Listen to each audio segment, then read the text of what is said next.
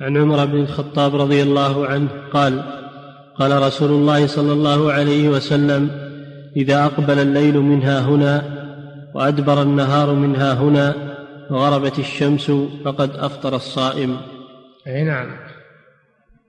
هذا هو الحد الفاصل بينه الرسول صلى الله عليه وسلم.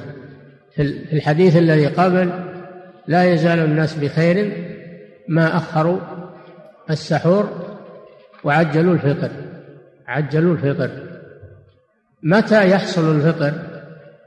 الرسول صلى الله عليه وسلم وضع علامة واضحة. وضع علامة واضحة. وهي غروب الشمس في الأفق. وعلامة غروبها أن يقبل الليل من المشرق. يقبل الليل من المشرق. فإذا اجتمعت العلامات الثلاث أقبل الليل منها هنا يعني من المشرق وأدبر النهار منها هنا يعني من المغرب وغربت الشمس فقد أفطر الصائم.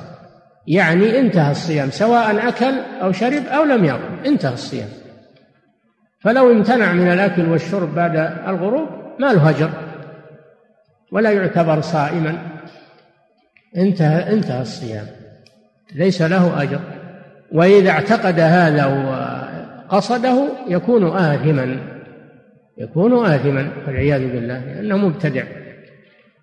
نعم.